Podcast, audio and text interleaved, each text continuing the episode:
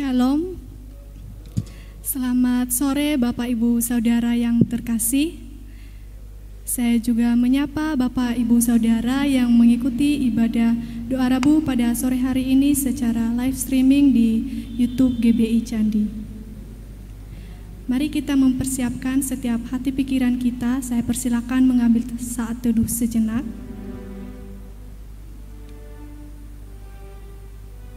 Tema bulan ini menyelamatkan yang terhilang dari kitab Lukas pasal 19 ayat 10.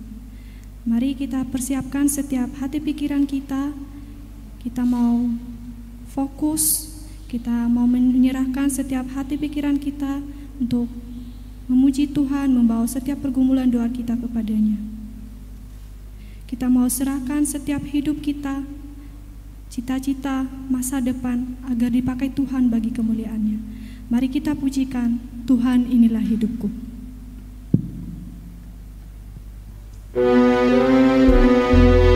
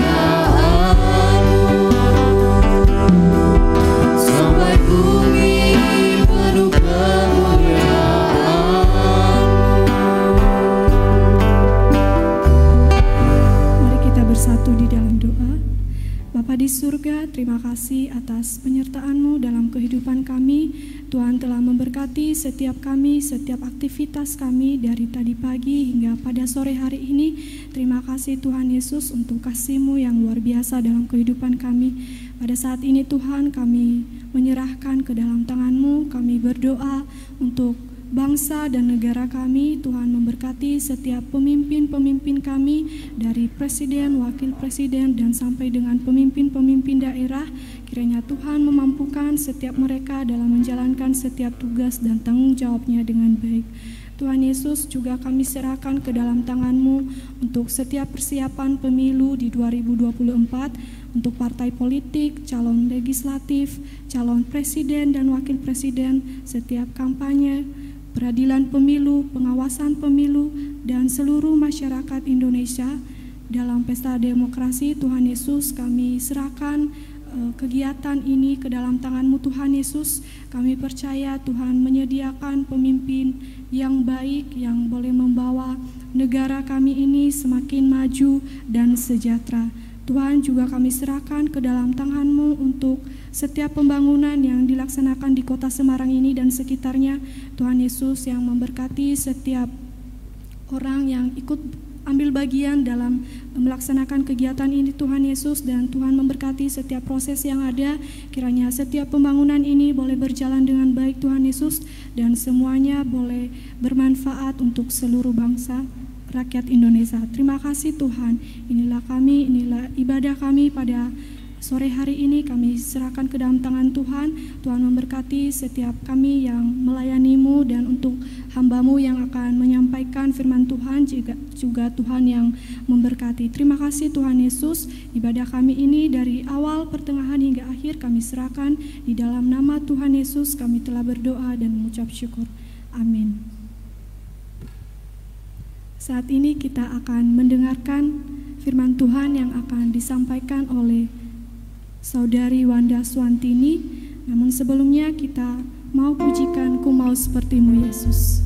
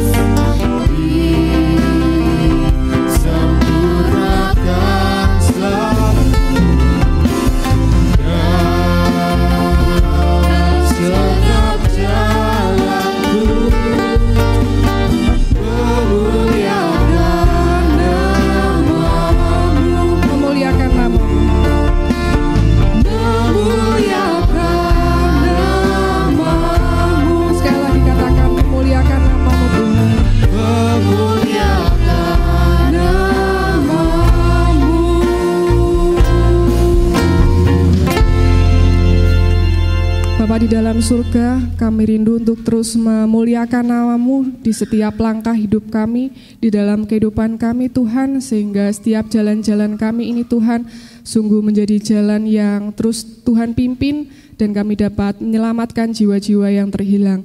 Saat kami akan merenungkan firman-Mu, biarlah roh kudus urapilah kami, setiap hati dan pikiran kami, supaya kami dapat sungguh-sungguh fokus untuk merenungkan firman-Mu dan menjadi pelaku firman-Mu.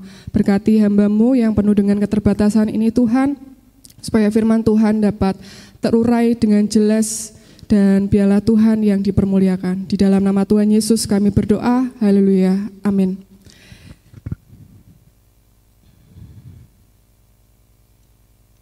Selamat malam Bapak Ibu Saudari yang terkasih dalam Tuhan, Shalom. Bagaimana kabarnya hari ini? Puji Tuhan. Puji Tuhan kita bersyukur di awal bulan Agustus, bulan kemerdekaan ya Bapak Ibu Saudari, kita bersama-sama boleh mengawalinya dengan berdoa dan dengan tema yang baru gereja kita mengambil tema yaitu menyelamatkan yang terhilang. Dan saat ini saya mengambil judul renungan saya yaitu kehidupan doa dalam pemberitaan Injil.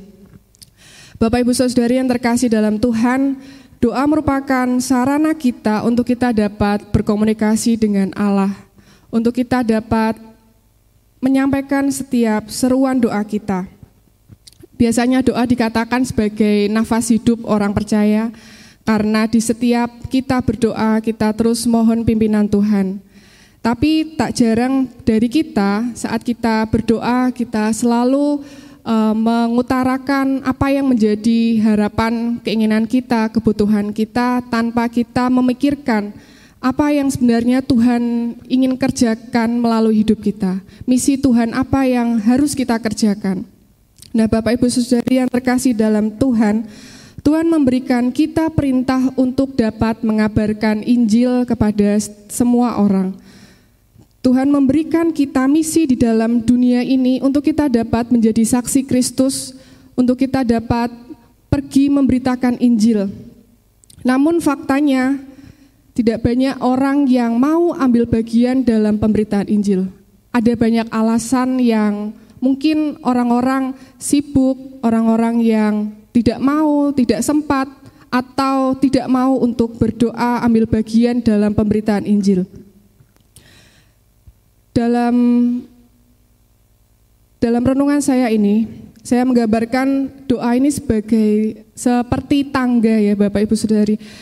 Tangga pertama yang harus kita lalui untuk kita dapat mengemban misi Tuhan. Ya, sebelum kita memberitakan Injil, langkah pertama yang harus kita lakukan adalah berdoa. Maka dari itu penting sekali kita mempunyai kehidupan doa untuk kita dapat mendukung misi Tuhan, memberitakan Injil, menyelamatkan jiwa-jiwa yang terhilang. Nah, mari kita akan buka Alkitab kita dalam Kolose 4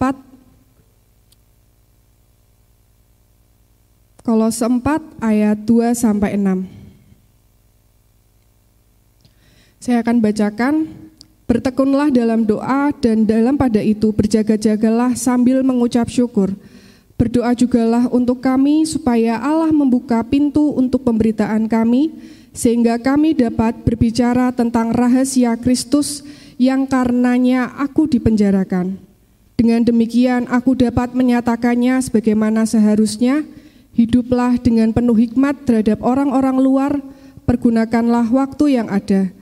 Hendaklah kata-katamu senantiasa penuh kasih, jangan hambar, sehingga kamu tahu bagaimana kamu harus memberi jawab kepada setiap orang. Nah, saya membagi dalam dua pokok pikiran. Yang pertama adalah bagaimana kita mempunyai kehidupan doa dalam pemberitaan Injil, yaitu kita tekun berdoa. Seperti yang Rasul Paulus katakan dalam ayat kedua bahwa bertekunlah dalam doa dan dalam pada itu berjaga-jagalah sambil mengucap syukur. Nah, yang pertama, Allah ingin supaya kita berdoa bagi jiwa-jiwa. Dikatakan bahwa bertekunlah, Artinya bahwa kita tidak hanya sekali dua kali kita berdoa, tetapi kita tekun. Tekun dalam kamus besar bahasa Indonesia artinya kita rajin, terus-menerus, tidak putus-putus, ya. Jadi kita tidak pernah lelah untuk kita berdoa. Sedangkan berjaga-jaga mempunyai arti selalu berjaga terjaga. Maksudnya di sini secara rohani seperti yang dikatakan Yesus dalam Matius 26 ayat 41 Berjaga-jagalah dan berdoalah supaya kamu jangan jatuh ke dalam pencobaan. Jadi Allah ingin supaya kehidupan kita selalu berdoa dan berjaga-jaga. Ya, berdoa yang pertama adalah untuk jiwa-jiwa. Kita berdoa untuk jiwa-jiwa yang belum percaya Tuhan. Mungkin saudara kita, teman kita, tetangga kita, keluarga kita, setiap orang-orang yang belum percaya Tuhan. Supaya apa? Supaya Tuhan menyiapkan hati mereka menerima Injil. Lalu bagaimana kalau misalnya kita tidak tahu siapa yang harus kita injili atau siapa orang yang harus kita uh, berikan kabar baik ini?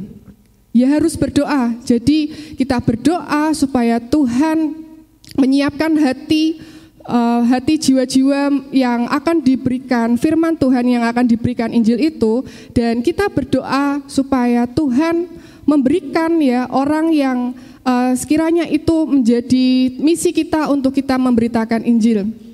Nah, Tuhan ingin supaya kita mempunyai belas kasihan seperti yang Tuhan Yesus telah teladankan kepada kita saat Tuhan Yesus uh, berkeliling di daerah Galilea dalam Matius 9 ayat 36 uh, Tuhan melihat bagaimana orang-orang banyak ini ya hidup tanpa gembala. Ada belas kasihan Tuhan, bagaimana Tuhan rindu supaya banyak jiwa-jiwa datang kepada Tuhan.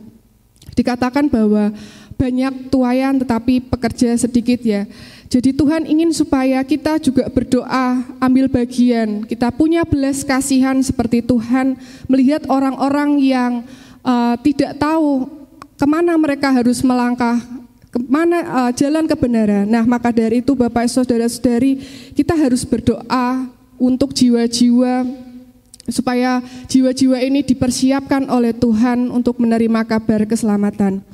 Karena kita tahu bahwa perjuangan kita uh, bukan melawan darah dan daging ya Bapak Ibu Saudari, kita melawan penghulu-penghulu yang ada di udara, kita melawan kuasa kegelapan roh-roh jahat yang ada di udara. Maka dari itu wajib bagi kita untuk kita dapat berdoa bagi mereka.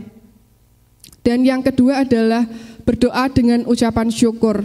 Dikatakan di sini bahwa sambil mengucap syukur. Artinya bahwa orang yang berdoa adalah orang yang bersyukur. Bersyukur untuk apa? Bersyukur atas segala apa yang Tuhan telah kerjakan dalam kehidupan kita. Bersyukur untuk apa? Bersyukur Tuhan mendatangkan jiwa-jiwa baru bagi gereja kita. Untuk kita dapat menjadi kesaksian, untuk kita dapat mengabarkan Injil kepada mereka, sehingga mereka dapat percaya kepada Tuhan. Lalu bersyukur untuk apa? Bersyukur atas kesaksian saudara-saudara kita yang hidupnya diubahkan, yang hidupnya kemudian memilih untuk percaya kepada Kristus. Ya, kita bersyukur ya bahwa kemarin ada 11 orang yang percaya kepada Tuhan dan mereka dibaptiskan bergabung dengan kita di Gereja Baptis Indonesia Candi. Kita bersyukur untuk kesaksian-kesaksian mereka, saudara-saudara kita yang percaya kepada Tuhan. Nah, Maka dari itu, biarlah setiap orang-orang yang berdoa adalah orang-orang yang selalu bersyukur dalam segala hal. Bersyukur atas apa yang Tuhan telah kerjakan bagi kehidupan kita, bagi pelayanan kita, bagi orang-orang yang Tuhan tempatkan ada di sekitar kita yang percaya kepada Tuhan. Dan yang selanjutnya Paulus mengatakan bahwa kita harus berdoa juga untuk para pemberita Injil. Ayat ketiga dikatakan, berdoa jugalah untuk kami, supaya Allah membuka pintu untuk pemberitaan kami, sehingga kami dapat berbicara tentang rahasia Kristus yang karenanya aku dipenjarakan. Kita diminta untuk berdoa bagi para pemberita Injil. Jadi doa kita seharusnya bukan doa-doa yang kita naikkan untuk diri kita sendiri, untuk kebutuhan kita, untuk hasrat kita, keinginan kita, tetapi doa kita juga kita berdoa bagi para pemberita Injil, para penginjil, para misionaris, para hamba-hamba Tuhan yang mengabarkan Injil. Paulus mengatakan bahwa berdoa supaya Tuhan membuka pintu bagi pekabaran Injil, supaya Tuhan memberikan hikmat kepada setiap para pemberita Injil mereka dapat memberikan firman Tuhan, memberikan kabar keselamatan ini dengan benar, dengan jelas, dan dapat diterima oleh para penerimanya. Dalam Efesus pasal 6 ayat 19 sampai 20, Paulus mengatakan bahwa jemaat di Efesus supaya mereka berdoa dengan tidak putus-putusnya. Paulus selalu memberikan nasihat, mengingatkan kepada setiap jemaat supaya mereka terus berdoa, bertekun di dalam doa, berdoa tidak putus-putusnya. Dan ini merupakan langkah supaya kita dapat ambil bagian dalam pengabaran Injil. Supaya setiap para pemberita Injil mereka diberikan hikmat, diberikan keberanian saat mereka menyampaikan kabar keselamatan ini. Melalui doa kita memohon supaya Tuhan uh, ambil bagian di dalam pemberitaan Injil. Kita tahu bahwa banyak tantangan yang harus dihadapi oleh para pemberita Injil. Pada saat Paulus memberitakan Injil, banyak sekali tantangan yang harus dia lalui. Dia harus dihina, dia dicaci maki, didera, bahkan dimasukkan ke dalam penjara. Banyak sekali tantangan yang mereka alami ya. Maka dari itu Paulus minta supaya kita berdoa untuk para pemberita Injil. Karena tidak mudah ya Bapak Ibu Saudari menyampaikan uh, kabar keselamatan kepada orang-orang yang belum percaya. Ya mungkin kalau misalnya uh, zaman sekarang tidak se ekstrim saat uh, Paulus menyampaikan kabar keselamatan bagaimana dia dikejar-kejar, dimasukkan ke dalam penjara, didera, disiksa ya, bahkan dia harus mengalami kelaparan. Nah, Uh, tapi banyak sekali tantangan yang harus kita lalui saat kita memberi, memberitakan kabar keselamatan. Maka dari itu penting sekali doa di dalam pemberitaan Injil supaya memberikan kekuatan, memberikan keberanian kepada para pemberita Injil menyampaikan kabar keselamatan kepada setiap orang-orang yang belum percaya.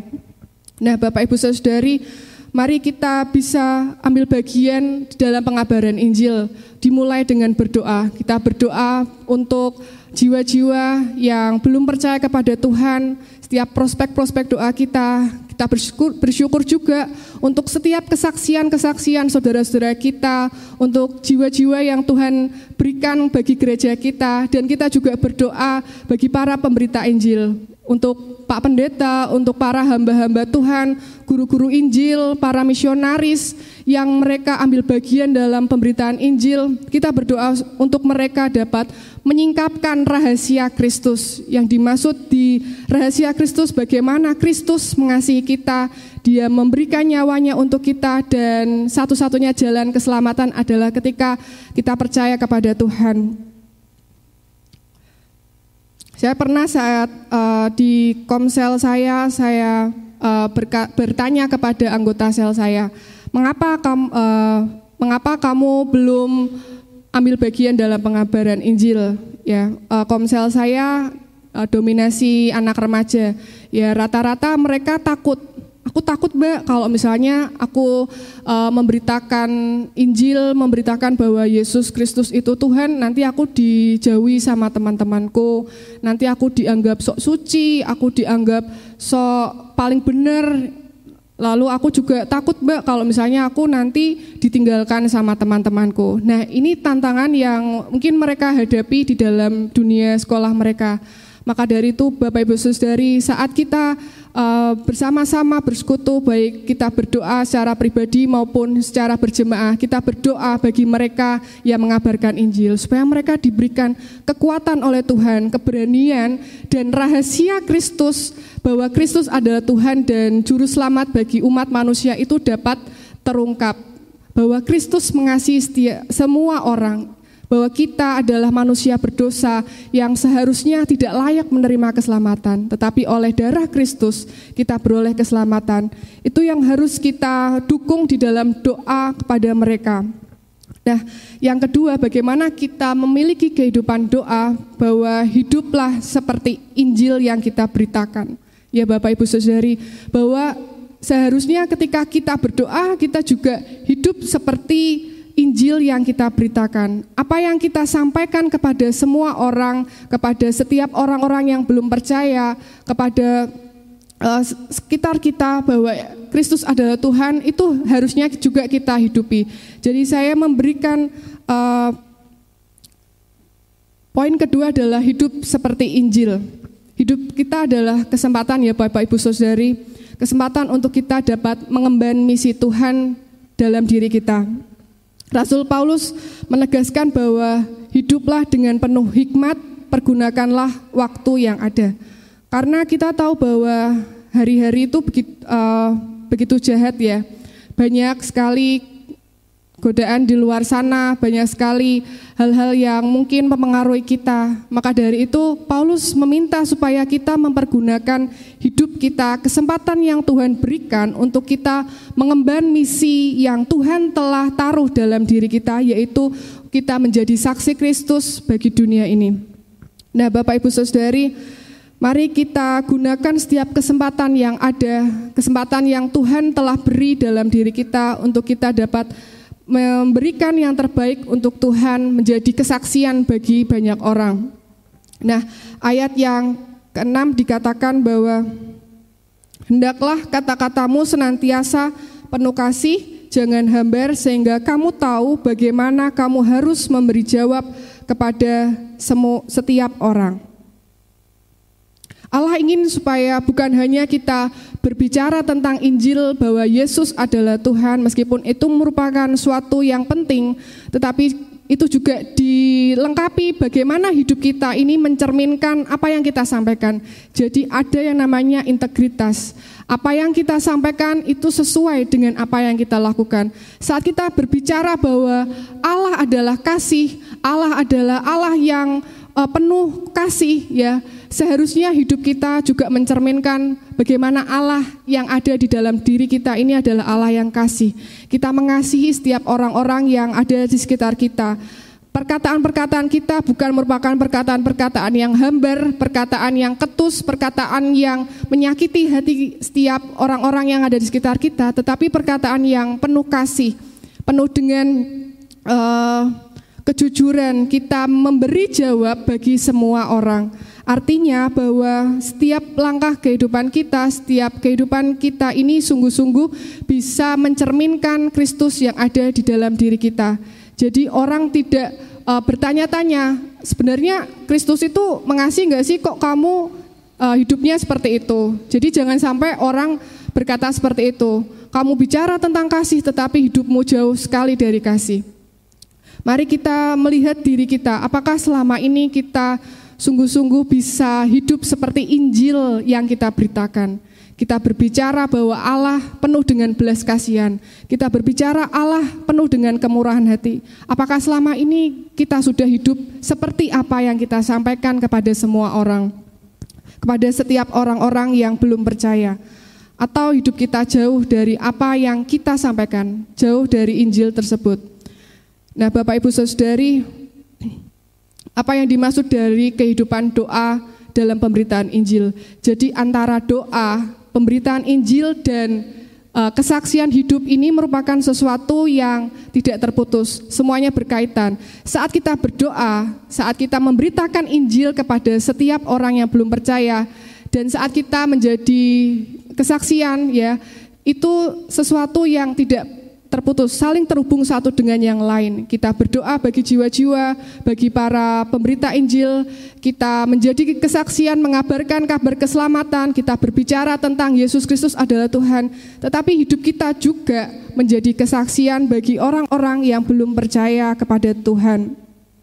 Sehingga kehidupan kita dapat memberi jawab kepada semua orang. Seperti yang dikatakan oleh Paulus dalam ayat yang terakhir bahwa bagaimana kamu harus memberi jawab kepada semua orang. Jangan sampai saat kita memberitakan Injil, tetapi selesai kita memberitakan Injil, kita malah ngomongin kejelekan orang. Kita malah menyakiti hati orang-orang yang ada di sekitar kita. Jangan sampai seperti itu Bapak Ibu Saudari. Kita harus menyatakan bahwa Kristus adalah Yesus yang sungguh mengasihi kita, yang rela menyerahkan nyawanya untuk kita manusia berdosa dan hidup kita ini harusnya dipenuhi dengan kasih Kristus. Mari kita akan buka dalam Filipi 1 ayat 20 sampai 22.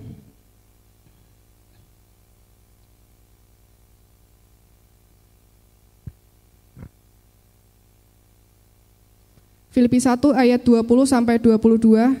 Sebab yang sangat kurindukan dan kuharapkan ialah bahwa aku dalam segala hal tidak akan beroleh malu, melainkan seperti sedia kala, demikian pun sekarang Kristus dengan nyata dimuliakan di dalam tubuhku, baik oleh hidupku maupun oleh matiku. Karena bagiku hidup adalah Kristus dan mati adalah keuntungan. Tetapi jika aku harus hidup di dunia ini, itu berarti bagiku bekerja memberi buah, jadi mana yang harus kupilih aku tidak tahu. Ini merupakan teladan yang diberikan oleh Paulus bagaimana Paulus berkomitmen untuk dapat menjadi kesaksian bagi banyak orang. Hidupnya dipakai untuk Injil dan hidupnya ini menjadi berkat bagi banyak orang. Sehingga dia selalu mengutarakan bahwa hidup di dunia artinya hidup bekerja memberi buah buah apa Bapak Ibu Saudari? Buah bagi setiap orang-orang yang belum percaya untuk mengabarkan kabar keselamatan dan membawa mereka untuk menerima keselamatan yang daripada Tuhan. Bagaimana kehidupan doa kita sekarang? Apakah saat ini kita sering berdoa untuk diri kita sendiri, untuk kepuasan diri kita sendiri, untuk yang penting aku bisa memenuhi segala kebutuhan hidupku, aku dan keluargaku tidak pernah kekurangan. Atau kita sudah mulai berdoa bagi saudara-saudara kita yang belum percaya kepada Tuhan, bagi para pemberita Injil dan bagi para hamba-hamba Tuhan yang mengabarkan kabar keselamatan. Apakah kita sudah melakukan seperti itu? Mari kita bangun kehidupan doa kita menjadi yang lebih baik lagi, berdoa dengan tak jemu-jemu dan tak putus-putusnya, semakin mengerti apa yang menjadi misi Tuhan bagi kehidupan kita, sehingga nama Tuhan dipermuliakan di dalam dan melalui kehidupan kita. Amin. Tuhan Yesus memberkati. Mari kita berdoa. Di dalam surga, kami bersyukur untuk firman Tuhan pada malam hari ini. Biarlah kami dapat mengambil bagian dalam misi Tuhan bagi kehidupan kami untuk menjadi kesaksian yang hidup bagi banyak orang, menyelamatkan jiwa-jiwa yang terhilang, dan kami mau Tuhan semakin tekun di dalam doa kami kepada Engkau, dan biarlah nama Tuhan dipermuliakan melalui kehidupan kami. Kami serahkan waktu selanjutnya persekutuan doa kami ke dalam tangan kuasamu, di dalam nama Tuhan Yesus kami berdoa, haleluya, amin.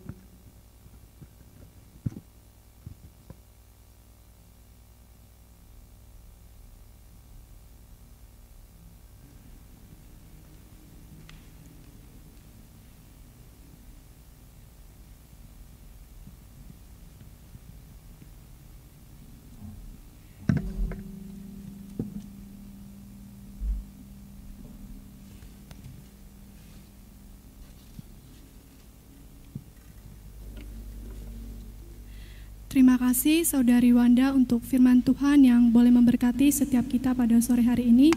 Kiranya kita boleh terus setia berdoa dan hidup seperti Injil. Saat ini kita akan berdoa untuk GBI Candi.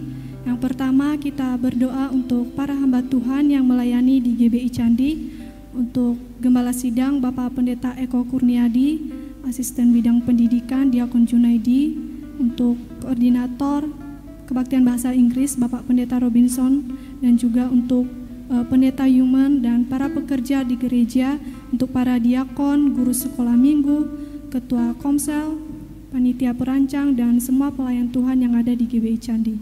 Yang kedua, kita juga berdoa untuk rencana pembentukan panitia pencalonan panitia perancang 2024 sampai 2026. Yang ketiga, kita berdoa untuk program dan anggaran GBI Candi di 2023 ini. Kiranya Tuhan memberkati setiap kekurangan dan setiap dana yang dibutuhkan. Kita juga mau berdoa untuk persekutuan wanita baptis Asia.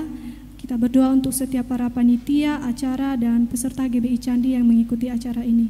Selanjutnya kita juga mau berdoa untuk kebaktian Padang PKMB.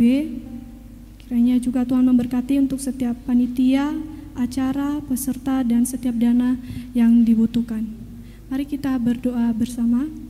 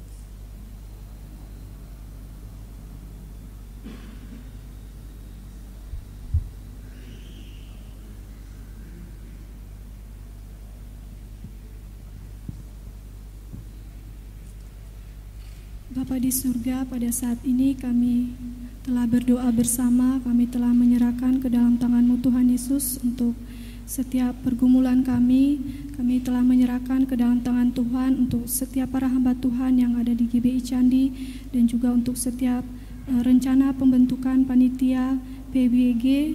Kami juga sudah menyerahkan ke dalam tangan-Mu Tuhan untuk setiap program dan anggaran GBI Candi, juga untuk persekutuan wanita Baptis Asia, dan kebaktian Padang PKMB.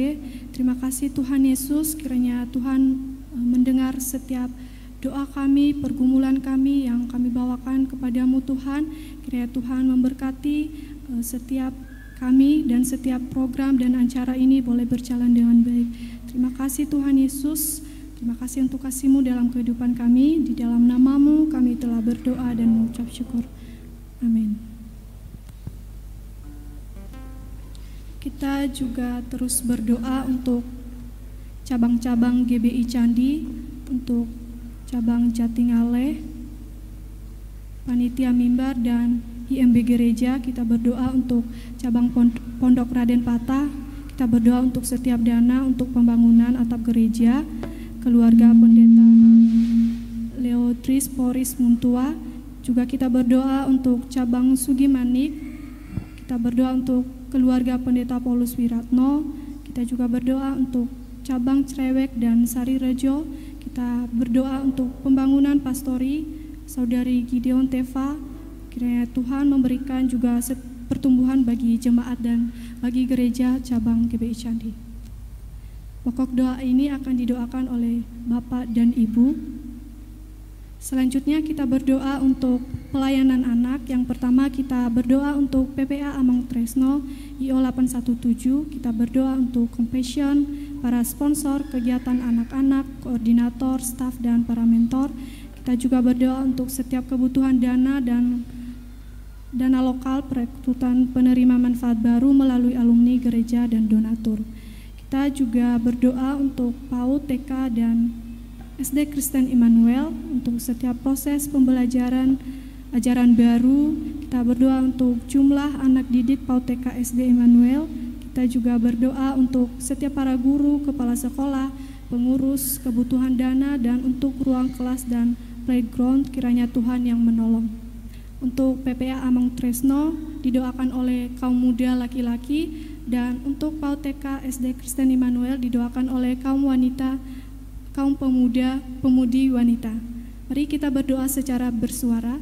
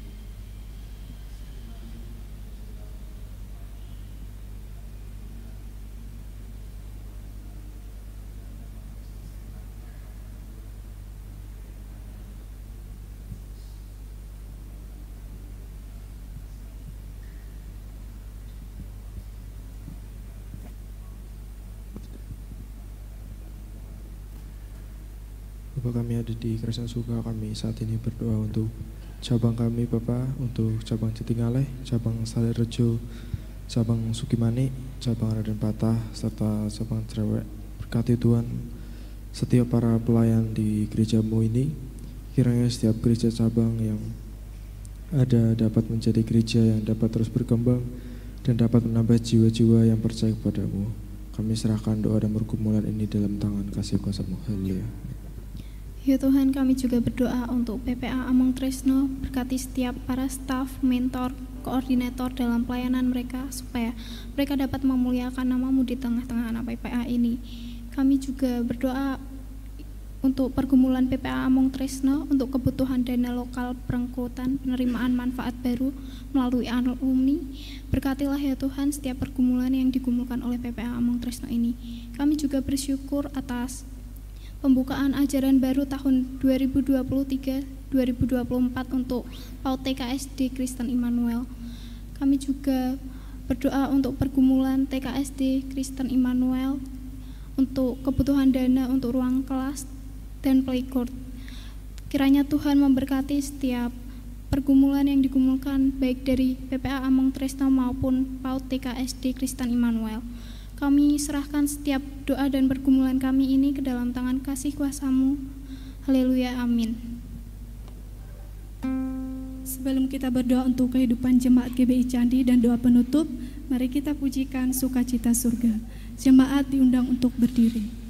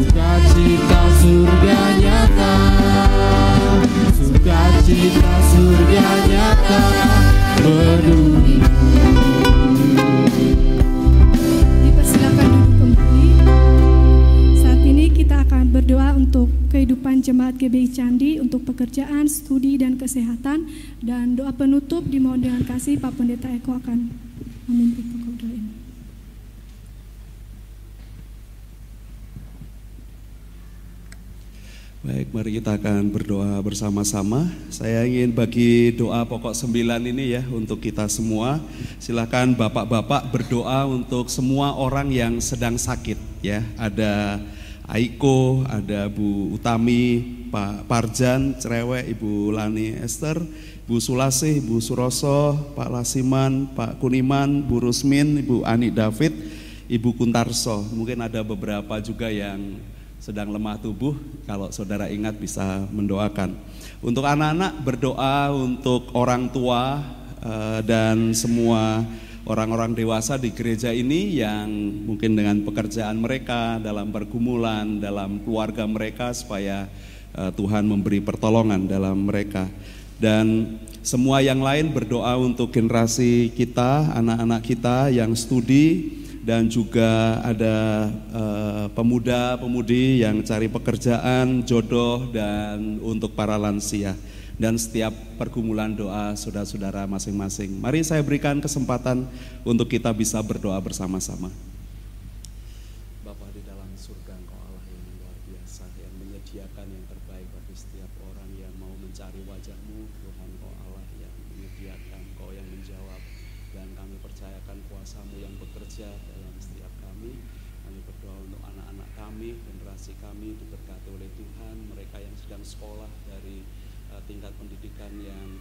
sampai yang tertinggi diberkati oleh Tuhan. Mereka uh, diberkati dengan kecerdasan, kepandaian, masa depan mereka, sekolah mereka, dana yang dibutuhkan bisa disediakan.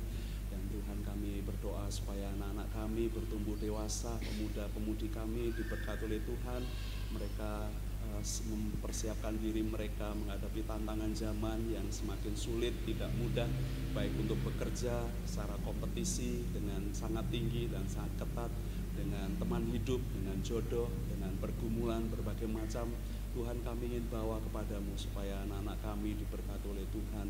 Anak-anak kami akan sungguh uh, menjadi anak-anak yang berhasil, generasi yang berhasil, bisa takut akan Tuhan, mereka bisa hidup berbahagia, mereka juga diberkati oleh Tuhan dengan uh, segala kelimpahan rezeki dan Tuhan akan pakai mereka menjadi generasi yang mengasihi uh, setiap para uh, orang tua mereka, lansia mereka diberkati oleh Tuhan, mereka yang dalam pekerjaan, yang merindukan pekerjaan, yang mencari pekerjaan diberkati dengan pekerjaan yang daripada Tuhan kau menyediakan sehingga mereka bisa menggunakan talenta karunia yang Tuhan percayakan kepada setiap anak-anakmu dalam mereka bisa bersama uh, menggumuli dalam panggilannya Tuhan. Kami berdoa supaya dalam pelayanan-pelayanan mereka juga bisa melakukan pelayanan dengan baik, mereka bisa uh, sungguh menjadi berkat bagi keluarganya, mereka diberkati oleh Tuhan, generasi muda kami diberkati uh, dan sehingga setiap eh, keluarga-keluarga uh, kami diberkati oleh Tuhan, para lansia kami diberkati karena dikelilingi oleh orang-orang yang mengasihi Tuhan, yang menolong mereka, menunjukkan kebaikan dan kemurahan hati dan biarlah para lansia kami diberikan hati yang luar biasa dan uh, mereka uh, takjub akan Tuhan kasihmu yang besar melalui anak menantu cucu-cucu yang Tuhan tempatkan serta hidup mereka. Mereka uh, bersungguh-sungguh mengasihi Tuhan dan di hidupnya berbahagia sampai akhir hidupnya diberkati oleh Tuhan. Terima kasih Tuhan. Kami juga percaya bahwa setiap pergumulan-pergumulan setiap anak-anakmu dijawab oleh Tuhan dan sudi Tuhan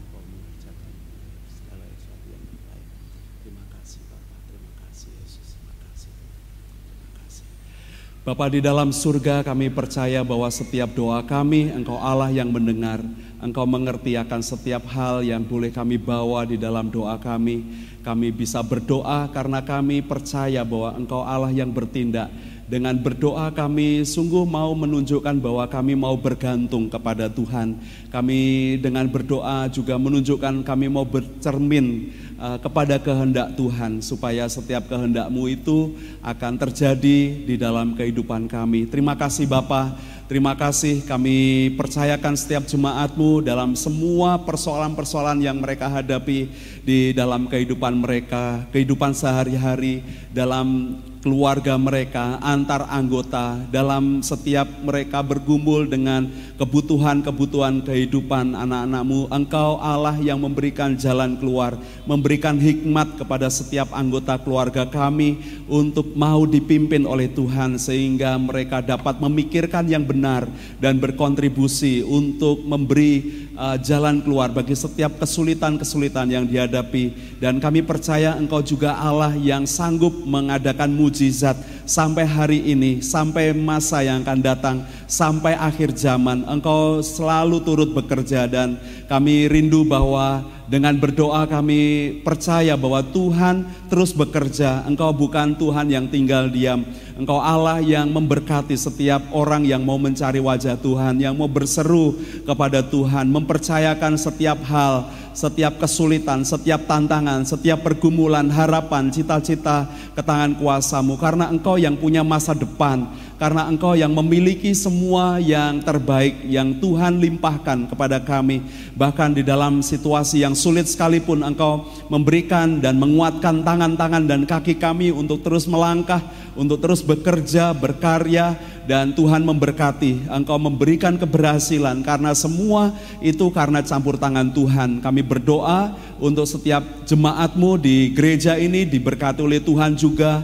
Kami bisa bertambah-tambah dalam menjalin persekutuan seorang terhadap yang lain kami bisa dijauhkan dari keegoisan, mementingkan diri kami sendiri. Kami bisa membawa diri kami untuk dipimpin oleh Tuhan dengan kasih yang berlimpah-limpah, kasih yang mencerminkan kami sudah menerima kasih yang daripada Tuhan. Dan kami juga minta kepada Tuhan supaya kami jemaatmu di Gereja Baptis Indonesia Candi ini, kami juga diberikan hati yang penuh dengan lemah lembut roh yang penurut kepada Tuhan sehingga kami bisa peka akan kebenaran, kami bisa berjalan dalam jalan-jalan yang benar, kami bisa menggenapi setiap rancangan Tuhan dan kehendakmu yang terjadi dalam kehidupan kami dan bahkan kami bisa menikmati kuasa mujizat Tuhan dalam setiap hal pergumulan, kesulitan, tantangan, sakit, penyakit, eh, kekurangan apa pun itu Tuhan. Kami ingin membawa itu semua ke tangan kuasa Tuhan dan kami percaya Engkau Allah yang bertindak, Allah yang ajaib, menyatakan itu kepada setiap kami jemaatmu yang mau berseru kepada Tuhan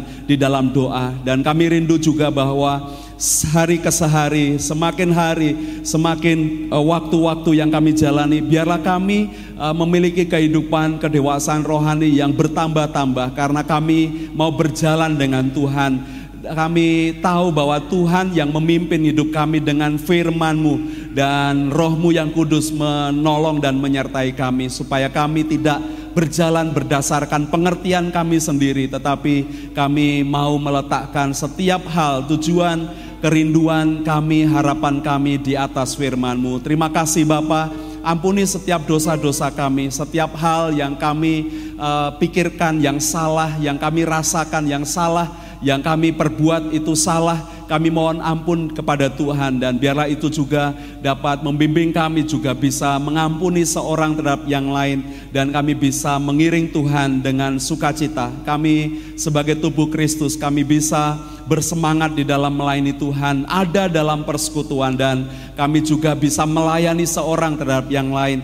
Kami bisa berjalan dengan tuntunan yang daripada Tuhan yang memimpin kehidupan kami. Terima kasih Bapak. Dan biarlah keluarga-keluarga kami juga mau dituntun oleh Tuhan. Dan bahkan kami bisa menemukan orang-orang yang Tuhan tempatkan di sekitar kami, mereka yang terhilang, mereka yang tersesat, mereka yang sedang undur daripada Tuhan, mereka yang sedang uh, melarikan uh, diri mereka kepada hobi, kepada kesibukan, kepada hal-hal lain. Dan ajarlah kami semua bisa menjadi sahabat bagi mereka, menjadi teman dalam persekutuan dan menjadi teman yang bisa mengasah seorang terhadap yang lain supaya kami bisa kembali kepada Tuhan, mengasihi Tuhan, mengiring Tuhan seumur hidup kami. Terima kasih Bapak, terima kasih. Kami percaya setiap doa kami dijawab oleh Tuhan karena Engkau Allah yang mendengar dan karena Engkau Allah yang menjawab. Dan kami percaya bahwa jawabanmu itu sempurna, jawabanmu itu baik untuk kami karena Engkau Allah yang berdaulat, yang sanggup berbuat mujizat untuk setiap kami. Dan setiap pergumulan-pergumulan kami pribadi, Engkau Allah yang memberikan jawaban, Engkau yang bertindak di atas segalanya. Terima kasih Bapak, terima kasih. Dan biarlah saat kami pulang damai sejahtera Tuhan atas kami menaungi dan memberkati kami di dalam nama Tuhan Yesus Kristus kami berdoa. Amin. Mari kita berdiri bersama-sama.